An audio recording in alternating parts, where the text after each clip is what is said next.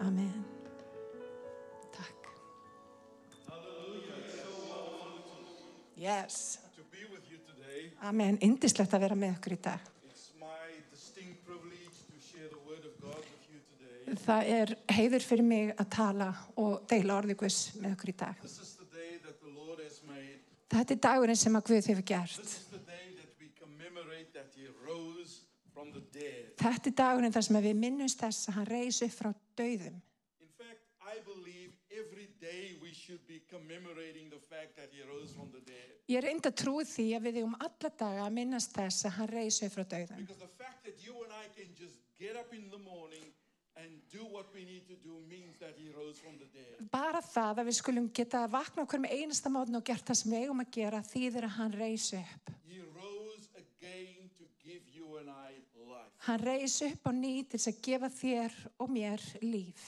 And so today we celebrate that. Þannig að í dag að þá fögnum við. We celebrate Jesus Við fögnum í Jésu in his risen power. og í hans upprisu krafti. Hallelujah. Halleluja! We give him praise today. Og við gefum honum dýrð í dag. Well, my name is Ron Botha, and I'm so happy to be with you. Ég heiti Ron Bóta og ég er mjög gladur að vera með hérna ykkur I í want dag. to, I want to talk to you this, this, this, this afternoon from um, um, my reading is from the book of uh, Romans, chapter 8. Og mér langar til þess að byrja á því að tala við ykkur í dag út frá Rómverðabrefin í 8. kapla. And I want to read the first 11 verses. Mér langar til þess að lesa fyrstu uh, 11 versin. Hallelujah. Halleluja!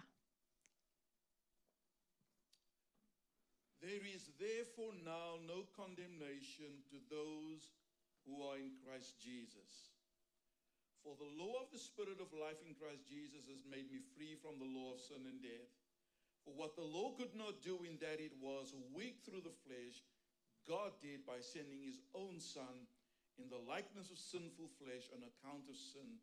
He condemned sin in the flesh, that the righteous requirement of the law might be fulfilled in us who do not walk according to the flesh, but according to the Spirit. For those who live according to the flesh set their minds on the things of the flesh, but those who live according to the Spirit, the things of the Spirit. For to be carnally minded is death, but to be spiritually minded is life and peace. Because the carnal mind is enmity against God, for it cannot be subject to the law of God, nor indeed can be. So then, those who are in the flesh cannot please God. But you are not in the flesh, but in the Spirit. If indeed the Spirit of God dwells in you. Now, if anyone does not have the Spirit of God, he is not his. And if Christ is in you, the body is dead because of sin, but the Spirit is life because of righteousness. But if the spirit of him who raised Jesus from the dead dwells in you, he who raised Christ from the dead will also give life to your mortal bodies through his spirit who dwells in you. Amen. Now, those verses Þessi vers. were on the screen, and I'm sure you've been following that sem að þið öruglega in séð, Icelandic. séð á, á vegnum á íslensku. One of the things that I hate about social media Eitt af því sem ég á erfitt með vanandi samfélagsmiðlana is video ads. eru videoauglýsingar. Sometimes I'm scrolling through Facebook and I come across a very interesting video. Ég er stundum bara að skrolla á Facebook og ég uh, hérna, sá aðdeklisverta videómyndband. You know, the things that I like to watch the most are pet rescues. það sem er mér langar til þess að skoða það er þegar verða að bjarga uh, gæludýrum. You know, sometimes they rescue these deer in icy rivers and they just cannot get out of the water. Stund- and they have to pull them out. Stundum er verið að bjarga uh, dádýrum í, í ánni og það er verið að reyna að grípa þau og reyna að draga þau út og það er erfitt. And because I love it so much, I get totally engrossed in the in the video. Og, og vegna þess að mér finnst þetta svo aðdeklisvert að þá bara einhvern veginn festist ég í And I, þessu and I vítjói. can't wait to see what the outcome is. Oh, Og ég get ekki beðið eftir að sjá útkomuna, hvað But gerist. just when it gets to the important parts Og oftast nær, þegar þið er alveg að komast að mikilvægasta hlutunum, uh, an ad pops up. þá kemur auglýsing. And I'm sure that Mark Zuckerberg has a- an agreement with the devil himself. Og ég er bara sannferður um að Mark Zuckerberg hefur gert samning við djöfulinn. to make me angry Til þess að gera mig brjálaðan. because every time I am excited about seeing the end of something, the video is interrupted by a stupid advert. Því í hver skipti sem ég er að fara að sjá lúkningu í ykkur máli, vídjói sem að minnst aðteglisvert, þá kemur auglýsing. And I have to wait for a half a minute to see what happens next. Og ég þarf að býða í halva mínúndu til þess að geta séð útkomuna. Now I know that I'm the only person in Iceland who feels that way. Og ég er alveg sem að ég er sannlega sá einu á Íslandi sem líður And þannig. I just felt it necessary to confess that to you today. En mér fannst það bara mikilvægt að játa það hér í dag. I am married to a woman Ég er nefnilega giftu konu. who loves detail. Hún er svo opbóstlega upptekinn og elskar dítela. And so when I talk to my wife Anne about a conversation I had or a meeting that I've been at, Þannig ef ég tala við hana um, um samskipti sem ég hef átt við eitthvað eða, eða fund, um, she wants to know all the details Þá vill of hún- that conversation. þá vil hún vita a- a- nákvæmlega hvað fór fram í þessu samtali. she wants to know who said what. Hún vil nákvæmlega vita hver sagði hvað. Sometimes she wants to know what they had on, what they were dressed on, in, Stundum spyr hún með þess að hvernig voru þið klættir? what they looked like. Hvernig litu þeir út? And sometimes I don't have time for all of that. Og stundum bara hef ég einfallega ekki tíma fyrir And, allt þetta. and the thing that, that makes her very angry is sometimes I'm explaining something to her and I stop in the middle of a sentence. Og stundum finnst þeir verður hún svolítið pyrruð því ég er að útskýra eitthvað fyrir henni og ég stoppi í miðri setningu. And that is one of her frustrations with me. Og það er eitt af því sem að hó- pyrrar hana um, um mig. My mind gets occupied with something else and all of a sudden I stop in mid sentence. Ég er bara, minn hugur er bara upptekinn af ykkur og ég stoppa í miðri setningu. And uh, I don't finish what I was supposed to say. Og ég klára oft ekki það sem ég ætla að segja. And so I leave out the juicy bits. Þar ég skil stundum eftir mikilvægustu hlutana. Now, most of us hate it when people do that to us. Flest okkar, mörg okkar, finnst mjög óþægilegt að fólk gerir þetta. We want to know all the details. Við viljum vita öll smáadriðin. It's- and sometimes we feel robbed when we are hindered halfway through. Og stundum upplifir bara eins og það er búið að taka eitthvað frá okkur þegar það er búið að segja okkur svona helmingin.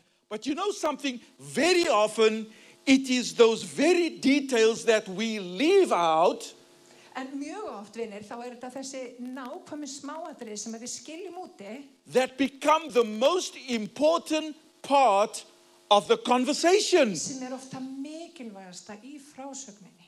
And so, when I do that to my wife, Þannig þegar ég ger það við konuna mína, I often, I often find her staring at me and saying to me, for goodness sake, finish your sentence. þá stendur hún fyrir framum og segir Ron, viltu klára setninguna? Don't leave me hanging. Ekki láta mig hanga hérna.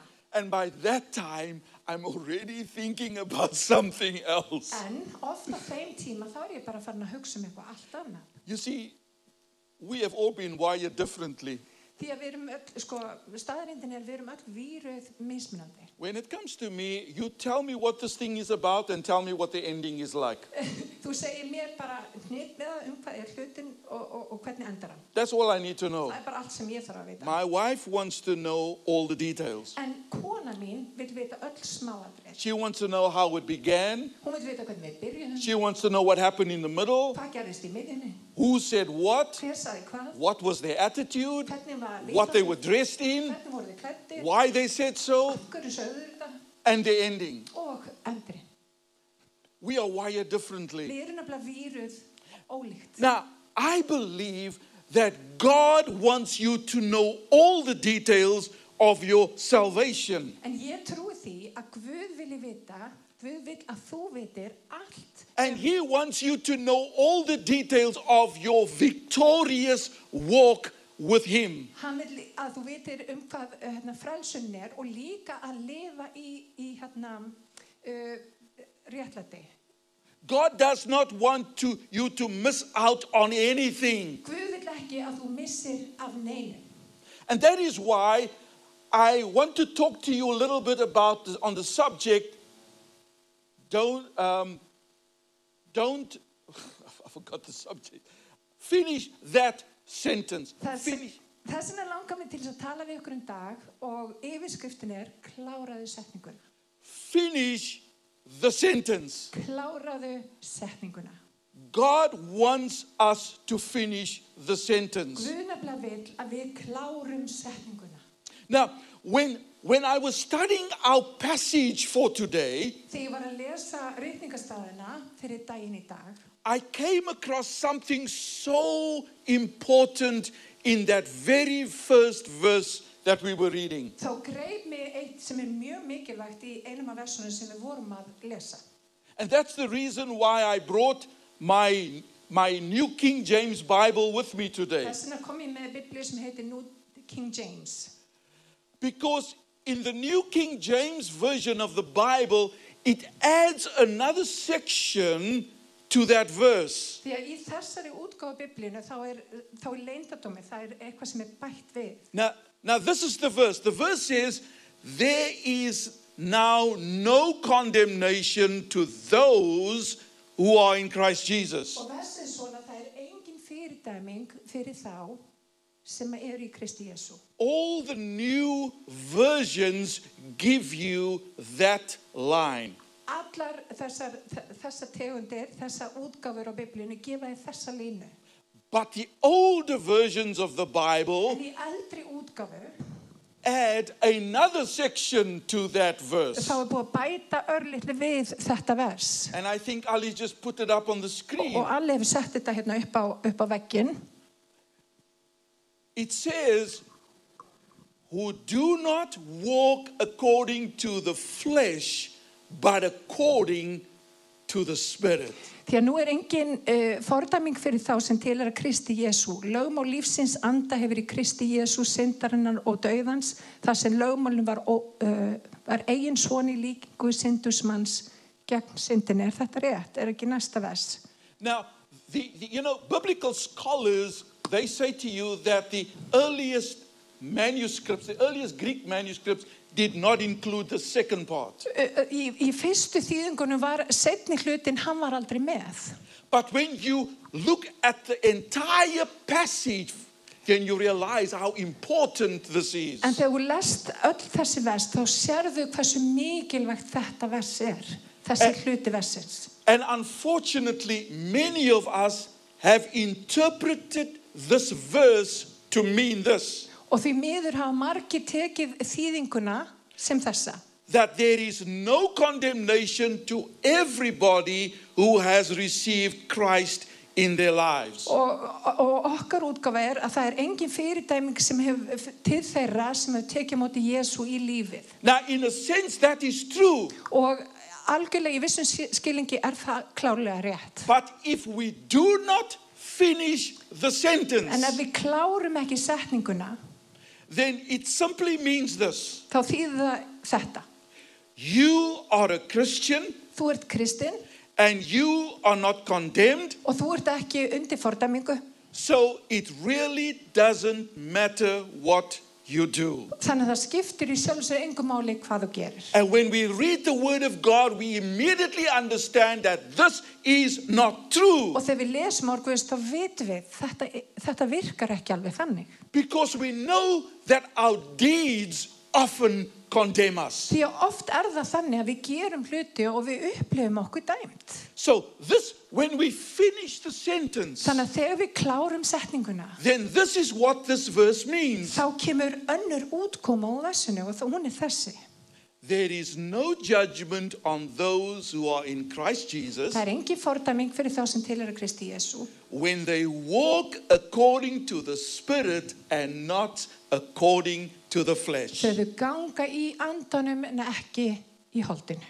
You see, when we walk according to the Spirit and not according to the flesh, Þegar við göngum í holdinu, í andanum en ekki í holdinu, then our deeds will not condemn us. að þá mun ekki í rauninni það sem við gerum dæma okkur. Now, what does it mean to walk according to the Spirit? Hvað þýðir það að ganga í andanum?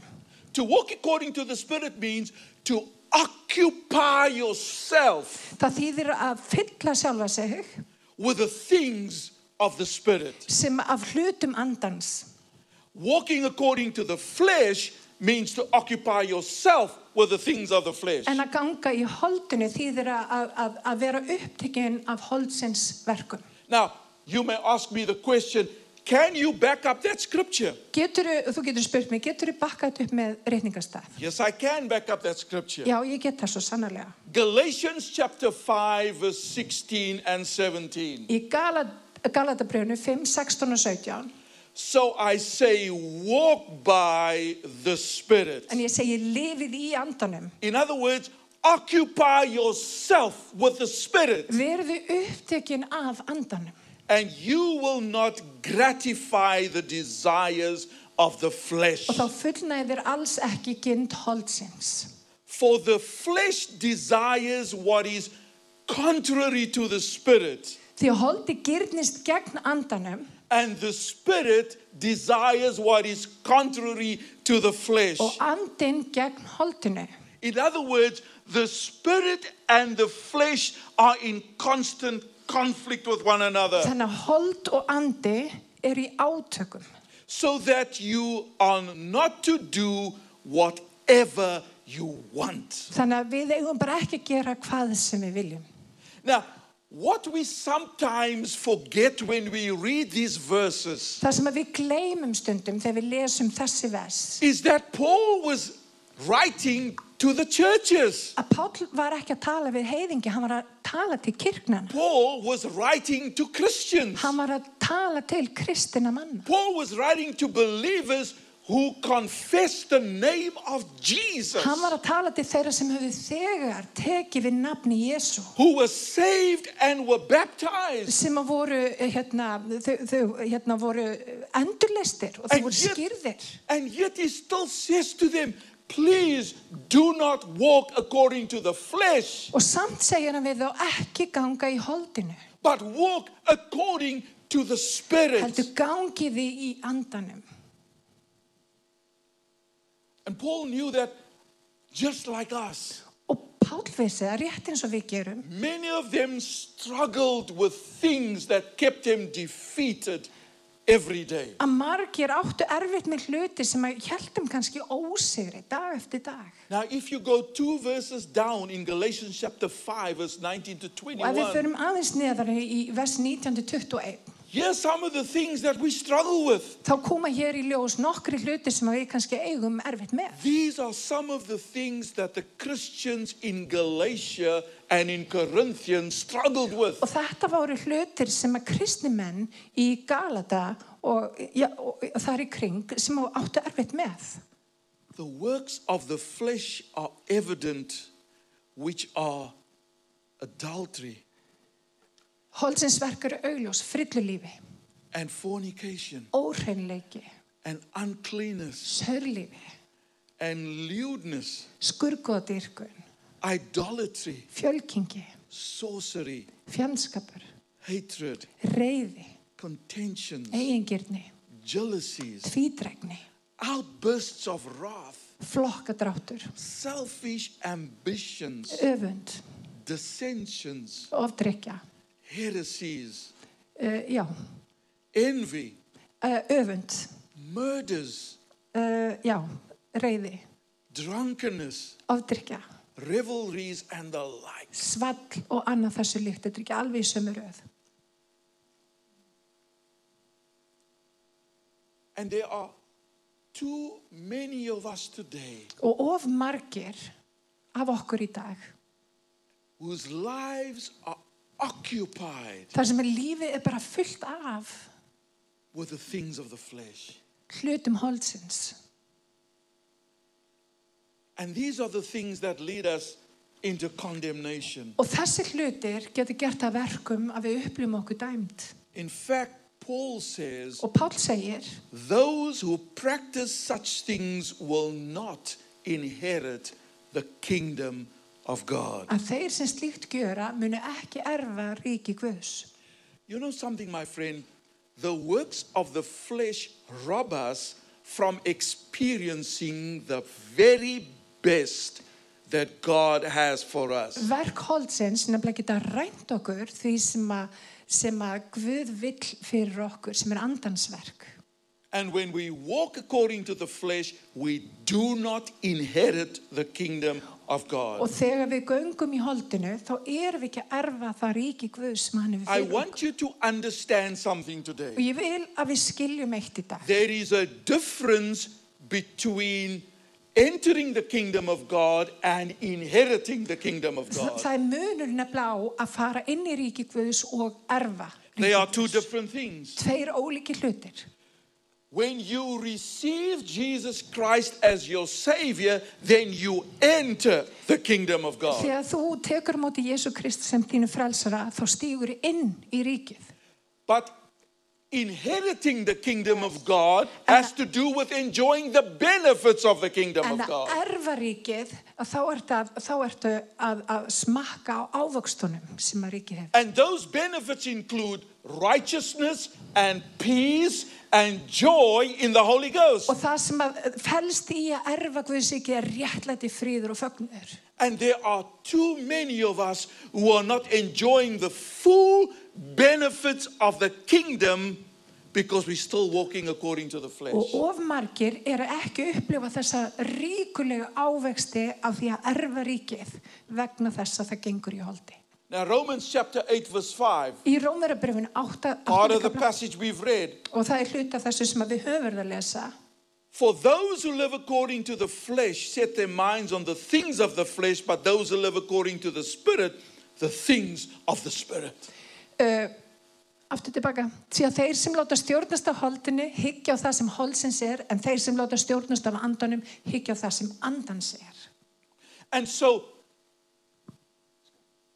Christians, of, you know, when we live like that, þegar við lifum þannig then we find we constantly need to be prayed for. að þá þarf stöðulega að vera að byggja fyrir okkur We constantly need to be prophesied over. það þarf stöðugt að vera að tala inn í okkur orð We, we begin to function like spiritual addicts. og við verðum pínlítið eins og, eins og hérna eh, fólk sem er háð eitulöfi með slíku Addicts who need their weekly fix just to calm their addictions. og það þarf eitthvað svona fix til þess að, til þess að hérna, róa að það sem er í gangi Because we are living according to the flesh. því að við lifum eftir holdinu And we are not living according to the spirit. og við erum ekki að lifa í andanum. God wants you to live in accordance with the spirit. En Guð vil að þú lifir í andanum.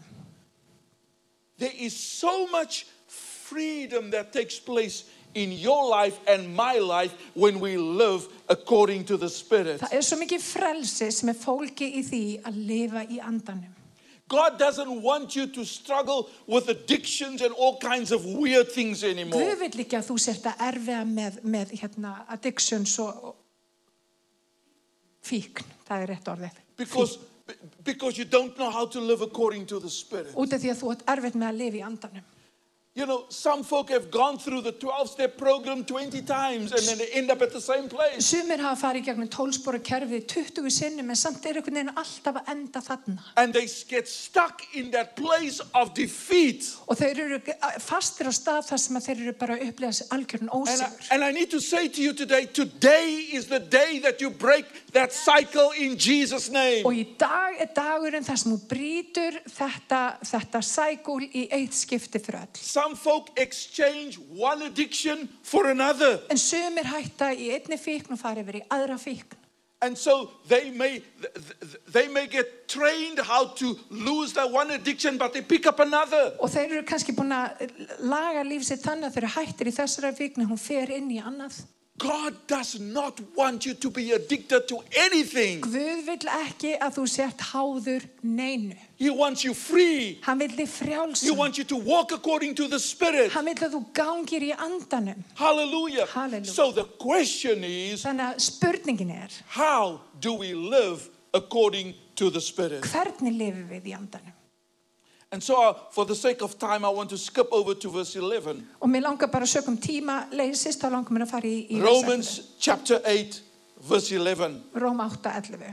It says this But if the spirit of him who raised Jesus from the dead dwells in you, he who raised Christ from the dead will also give life to your mortal bodies through his spirit who dwells in you. Amen.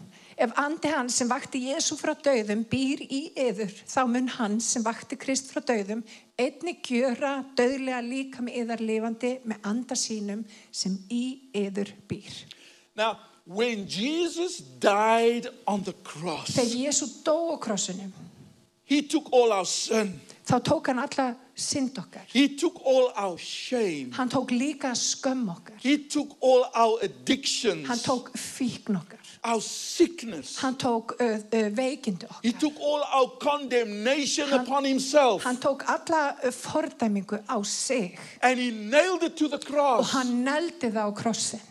When he was buried, Þegar hann var grafinn, all those things that were nailed to the cross was buried. þá var allt sem neldist upp á kross, það var líka grafið. Everything you and I struggled with in life, Jesus buried. Allt sem að við eigum í erfitt með í lífunum, það, það er búið að grafa það. And then on the third day, Wow. God raised him from the dead. Og á þriðja degi kennir reytingin að þá reisti Guð hann upp frá dögum. And when he rose from the dead, he rose victorious over sin. Og þegar hann reisi frá dögum að þá var hann, uh, þá var hann hérna, átt hann vinningin yfir döðanum. He rose victoriously over sickness. Og hann, var, hann, var, hann átti vinningin yfir uh, veikindum and over death, og yfir döðanum, over your shame, yfir skömminni þinni líka. over your condemnation, yfir þessu sem, að, sem er að halda þér í fordamingu and everything else that was upon him. og allt sem að var á hans sett. In other words, all my issues were left in the grave. Þannig að öll mín issue, allt sem ég er að glýma við, er í gröfinni Never to rise again. og það átti aldrei að rísa hann í. Now we need to establish that fact today Og við þurfum að, að, að, að minnast þess í dag. that everything that I struggled with, past, present, and future, was left in the grave. Allt sem ég hef dílað við í lífinu, hvort sem það er í fortíðinu, nútíð eða framtíð, er í gröfinni. Now, here's the problem why is it that we still struggle with our stuff? En hér kemur vandamæli, af hverju þá erum við að glýma við öll þessi? mál? Why are we still addicted to pornography? Okkur erum við ennþá háð klámi. Why do we still struggle with some of the addictions in our Af lives? hverju erum við, háð, erum við með fíkn í líf okkar? The answer is in this verse. Ve- Svarið er í þessu versi. You see, in order to be free, Eh, Til þess að verða frjáls, we have to allow the same power that raised Jesus from the dead þá þurfum við að láta kraftin sem reisti Jésu upp frá döfum. to become fully operational in our Að lives. leifa honum algjörlega að taka yfir líf okkar. You see, the resurrection of Jesus from the grave Upprisa Jésu frá gröfinni should serve as a pattern for our experience ætti að vera eins og uh, megin regla fyrir framtíðar. because if he rose victorious Ef hann reis upp, then we should live victoriously þá ættum við að lifa sem vinningstafar. Hallelujah. Amen. so what's the secret Þannig að hver er how do leyndardómur? we do this Hvernig gerum við þetta? how can i live victoriously Hvernig get ég lifa sem sigurvegari? we can only live victoriously through the power of the holy spirit Við getum bara lifið sem sigurvegari í gegnum kraft heilags anda. And I want to say to you today that there are too many believers who do not know this power. Og ég vil segja það hér í dag því miður það er allt og margi trúar sem að gera sig ekki grein fyrir kraftinum. They do not know how to access the power of the Holy Þeir Spirit. kunni ekki að ganga inn í eða, eða opna sig fyrir, já, fyrir krafti heila sanda. so that they can enjoy the benefits of the kingdom. Þannig að þeir geti notið ávaksta ríkisins. You see, the, this verse says that when the power of the Holy Spirit becomes active in our bodies, Þannig versið segir um leið og kraftur heila sanda er, er aktífur í líkam okkar. it will give us life. Það mun að gefa okkur líf. It will give life to your mortal bodies. Það mun gefa líf eh, dauðlegum líkumum. The, the, the, the Greek word literally means this Eh, Grísk orðið þýðir þetta. it will make us alive with life. Það mun gera okkur lifandi með lífið. In other words, I won't just be existing anymore. Ég verð ekki bara til, but I will be teeming with life. heldur er ég bara eins og lífið sjálf. There will be life oozing from me. Lífið mun bara, bara algjörlega verið gegnum mig. There will be contagious life oozing from Það verður me. smitandi líf í kringum mig. You know, we are living in days when people are scared of contracting the Já, coronavirus. við lifum á þeim dögum sem fólk er bara smeykt við að taka við ykkur um vírus. But there is a better thing that we need to be, uh, you know, getting, giving to people. En það er betri hlutur sem að við þurfum að vera að gefa fólki. It is the life in the Spirit of Það God. er lífið í andakvöðs. That is what the world needs. Og það er það sem að They need heimurinn that, þarf. l- that, that, that life giving flow flowing through their bodies all the time. Það þarf þetta lífsgefandi flæði stöðulega. Some, s- sometimes I come to work and everybody at work is grumpy. Stundu kem ég vinnun og það er allir í fílu. And they say to me, But you are always the same. En það kemur mér á óvart, þú ert alltaf You're eins. always smiling. Þú ert alltaf brosandi. Don't you ever have problems at home? Er aldrei vandamál á heimilinu þínu. Yes, of course I have problems. Auðvitað. But I don't allow my problems to determine my life. En ég leifi ekki vandamálum mínum að stýra lífi mínu. My life is being my life is being determined by the power of the Holy Ghost who lives inside of me. Líf mitt helgast að þeim krafti sem býr innan með mér. And when that happens, what flows naturally out of my life is joy Og þegar það gerist, hvað gerist í lífi mínu, náttúrulega kemur gleði and peace og friður and og righteousness. réttlæti. Righteousness means right living, Réttlæti þýðir í rauninni að lifa rétt. always wanting to do the right thing. Að vilja alltaf gera hið rétt. When everybody wants to do wants to go left, you go right and you do the right thing. Þegar allir vilja fara til vinstri þá ferð þú til hægri út af að þú vilt gera það rétta. And so God wants you to live victoriously. Og Guð vill að þú lifir sem seguveri. He wants you to, to, to, to, to know the power of the Holy Spirit. Að þú þekkir verk heilas anda. And some of you are so tired of struggling with the same old issues for most of your life. Og sumir eru svo þreyttir að vera alltaf að glíma við sama vandamáli í gegnum allt lífið. And you have been calling out to God for help. Og þið að vera að kalla út til drottins um hjálp. Well, I'm here to tell you today that help is on the way. Ég er hér til þess að segja þér að hjálpin er á leiðinni. And it is in the power of the Holy Og Spirit. það er í gegnum kraft heilags anda. And all you have to do is to ask for it. Og eina sem þú þarft að gera er að bara byggja um það.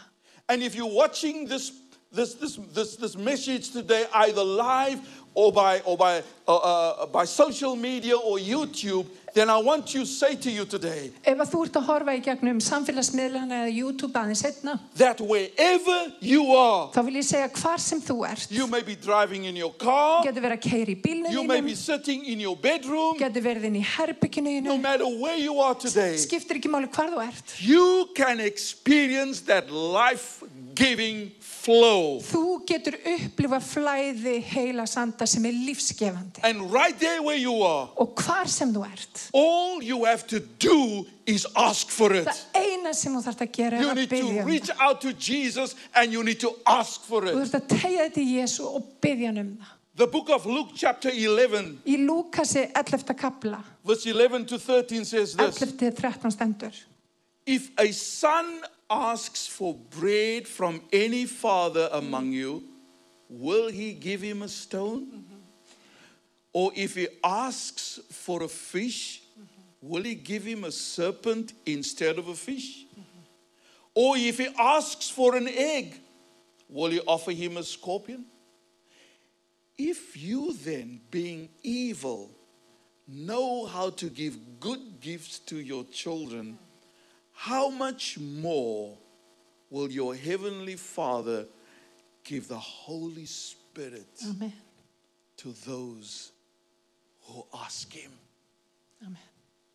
Er nokkuð svo fadir yður á meðal að hann gefur síni sínu með byður um fisk höggorm í staðinn eða spordrykka ef hann byður um egg.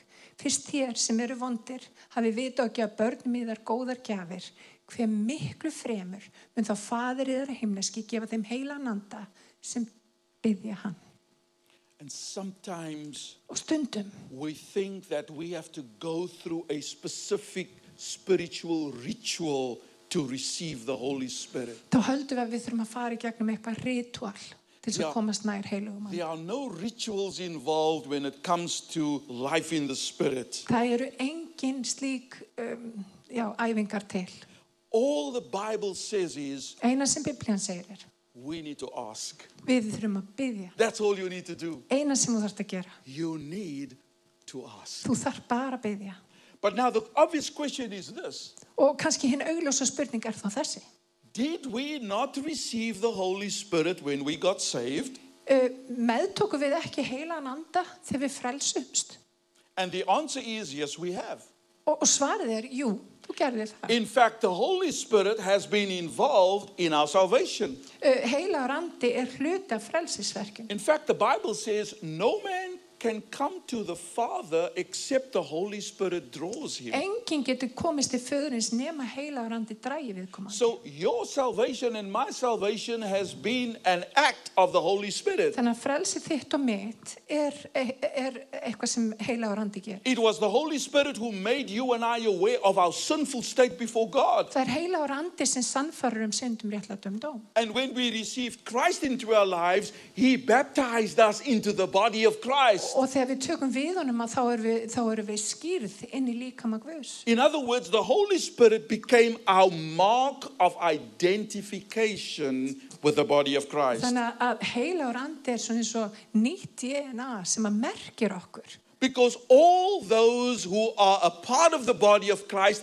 has that same mark of identification. Og allir sem að tilhera líkama guðs er með þess sama merki.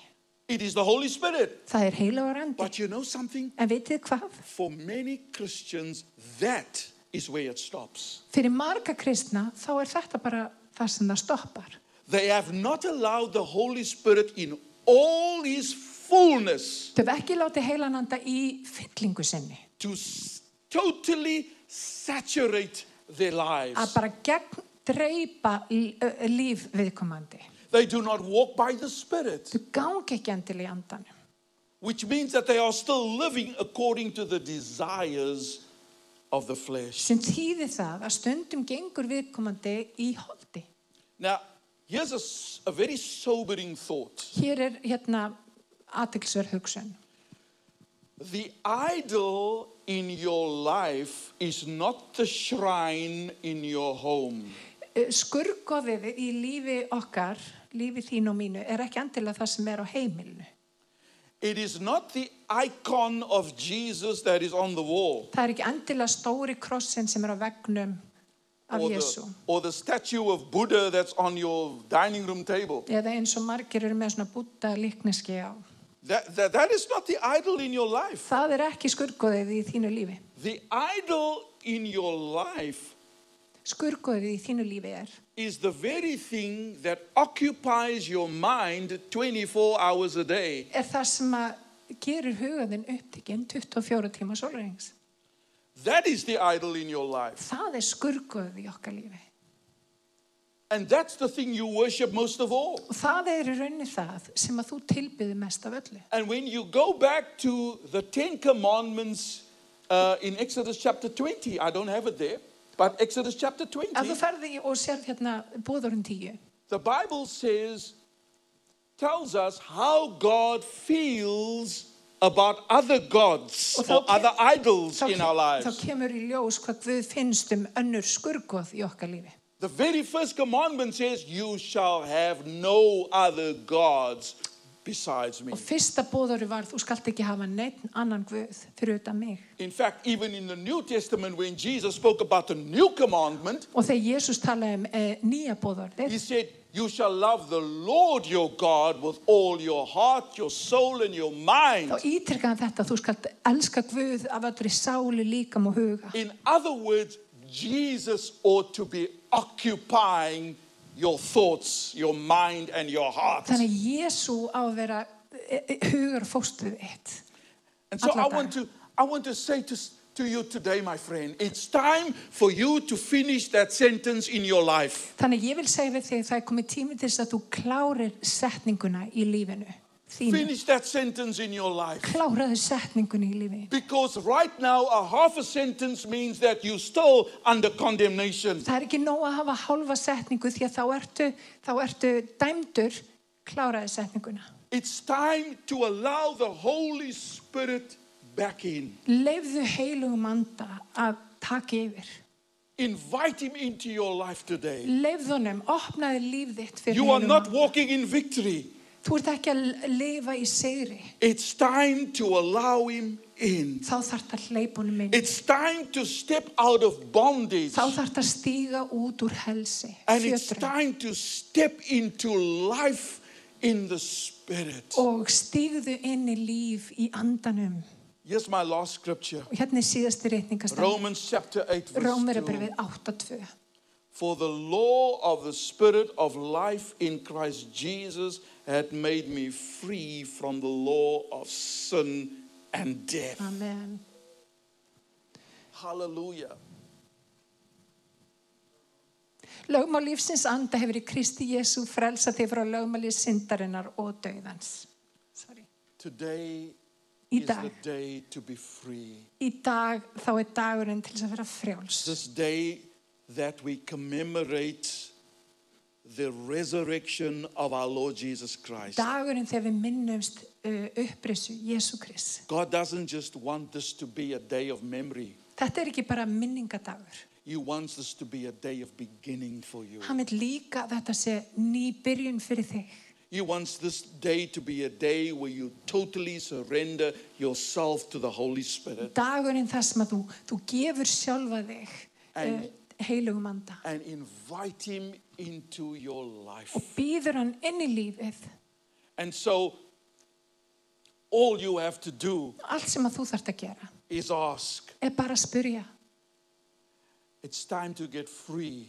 tími til komin að vera frjáls It's time to function in a new dimension of life in the Holy það er komið Spirit. tími til þess að- að starfa í nýri vít í heilugum anda And so, my friend, I ask you will you now invite the Holy Spirit? þannig að vinur minn, ég spyr þig vilt þú bjóða heilugum anda to have his rightful place til þess að- að eiga sinn rétta stað in your life. í þínu lífi Will you do it now with me? viltu gera það með mér? I'd like to, I'd like to just lead you in a prayer Yes. ég vil leiða ykkur í bæn because sometimes stundum our state of mind does not allow us to ask God for the things that we need to ask Him for. Stundum er það bara um, okkar uh, hugsanir sem, að, sem að átt okkur ekki á að við erum ekki að byggja Guð um það sem að við þurfum. And sometimes it's necessary for somebody to just walk beside us Og stundum er mikilvægt að við fáum bara fólk sem að gengur með okkur. and almost like a coach coaching us towards what we need to ask God for. eins og þjálfari sem þjálfar okkur í að byggja Guðum það sem við eigum að byggja. And so that is what I'd like to do today, Og það er það sem ég langar til þess að gera if you þetta, would allow me. ef þið vildi leifa mér. And I'll just be a couple more moments and then I'll be done. Nokkrar, nokkrar sekundur í viðbútt og þá var ég búinn. But I want you to bow your heads with me right now and just close your eyes. Beigðu höfuðið og lokiðu augun. Because now we're going to speak to the Lord. Nú ætlum við að tala við drottin. And wherever you are watching this message from, Og hvaðan sem að þú ert að að horfa á þennan bóðskap. right there in your living room, Hvað sem að það er bara inn í stofu. this is what I want you to do. Þetta er það sem ég vil að þú gerir. I want you to say this Ég vil að þú segir, Say, Lord Jesus, drottin Jésús, I come to you today ég kem til þín í dag and I am so sorry og mér þykir leitt for walking according to the flesh. fyrir að ganga í holdinu. My mind has been occupied with sinful things. Hugur minn hefur uh, verið upptekinn af syndugum hlutum. And today, Father God, Og í dag, Fadir Guð, I come and I pull down those idols in my life þá kem ég og ég dreg niður þessi skurgóð í mínu. and I invite your Holy Spirit og ég býð þínum heilaga anda to fill me now. að fylla mig nú. Fill me with your fullness. Fylltu mig af, af, af, því, af þér. Fill me with your power Fylltu mig af krafti þínum. so that my life will overflow. Þannig að líf mitt að flæði yfir. So that what you promised in the word will come true for me. Þannig að það sem að þú hefur lofað mér í orðinu verði staðreind í mínu líf. That streams of living water Að lækir lifandi vats will begin to flow from my life. muni flæða frá lífi mínu In the mighty name of í Jesus. máttuga Jésu nafni. Now just stay there for a moment Býði bara örs, örstuð.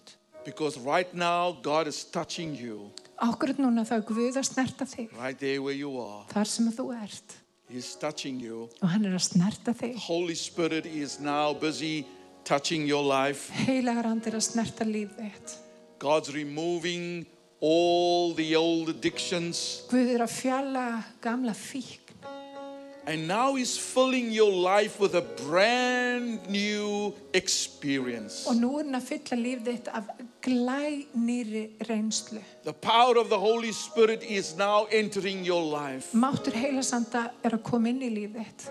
You will now begin to experience a joy like you never had before. Nú myndu fara að upplifa gleði eins og þú verður aldrei upplifa áður. And some of you may now begin to start weeping. Og sömur getur jafnvel byrjað að gráta. That's wonderful. Það er frábært. Just allow those tears to flow. Leifðu bara tárunum að koma. Allow God to just do His work in your life. Leifðu Guði bara að gera verk heilasanda í lífi. Let Him work. Let Him work. Leifðu honum að vinna. Leifðu honum að vinna. And one more thing that you may be experiencing Eitt í viðbót sem þú getur verið að upplifa. is that right now some strange words are going to come to your mouth Það getur kannski eitthvað skrítin orður að koma í munnin. as the power of the Holy Spirit fills your life. Og eins og kraftur heilasanda God fyllir lífið. is now beginning to give you a special language that Þá gefur, is a language that you use only between you and God. þá gefur hann þeir sérsta tungumál sem að þið notið ykkar á milli. It's just special. Það er bara sérstakt. It's something that I use when I'm alone with God, Og það er eitthvað sem ég notu oft þegar ég er einn með Guði. when I don't know what to pray. Þegar ég veit ekki hvað skal byggja, I simply just say Kaserebeke soto roshenderebe sata. þá byrja ég að tala í tungum. and I just begin to pray Og ég fer að byggja, in my spiritual language. ég fer að byggja í andanum. And right now that's what he's doing. I'm sensing that there are some of you watching that are now beginning to experience that. Og ég upplifa það, það er einhver byrjuð að, I've- I að, að just- tala út nýja, nýtt tungumál. I feel the breakthrough happening through the airways right now Ég finna það í gegnum brota eiga sér stað. as the Holy Spirit touches your life. Þegar heilagur andi snertir líf þitt. Just stir up whatever he's doing. Leifðu því að taka meira og meira pláss. If that strange language flows from your mouth, please don't stop it. Ef að það er eitthvað skrítið tungumál sem flæðir frá þér, ekki stoppa það. It's not weird, it's godly. Það er ekkert skrítið, það er guðlegt. Because that is the language that's going to carry you through every moment of every day. Það er þetta tungumál sem mun hjálpa þér á hverjum einasta degi. When you're feeling weary, when you're feeling that you can't pray, Þegar þú þreyttur getur ekki beðið. that's the language that you reach for and you just utter every day. Þetta er tungumáli sem þú nærði í og þú talar út. Your wonderful prayer language. Því er yndislega bæna And so, tungumál. just for a few seconds more, I want you to enjoy the presence of the Lord. Nokkra sekundur í viðbót, njóttu nærveru heila sanda. Hallelujah. Halleluja. Thank you, Jesus. Rokosheta rabasotondo roshe kenderebe sata. Kaserebebeke sata rabasondo roshe tenderebe sete. Robo sharabaka senderebe sotondo roshete.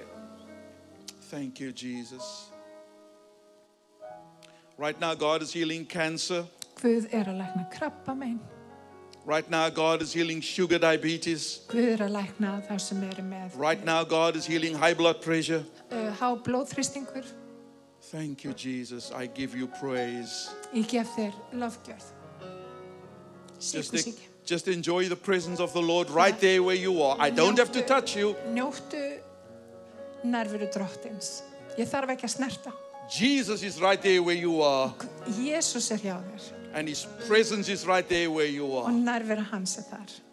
And so, Holy Ghost, I thank you for your presence here today. Heilarand, ég þakka fyrir nærveru I þína í dag. thank you so much that you spoke to Ég us. þakka þér fyrir að þú talaði til okkar. Thank you for what you have done in everybody's life today Og þakka þér fyrir það verk sem að þú verið unnið í okkur í dag. across the internet, Father. Í gegnum internetið. Thank you for setting your people free. Þakka þér fyrir að leysa líðin. Thank you for restoring their joy. Þakka þér fyrir að endurreisa gleðin. And thank you for filling them with the power of the Holy Ghost. Þakka þér fyrir að fylla okkur á And krafti we heila will samt. forever give you glory and honor and praise. Gefðu lofgjörð og dýrð og heiður. In Jesus' Í name. Jésu nafni. Amen. Amen og amen. God bless you, everyone. Drottin bless ykkur. Amen.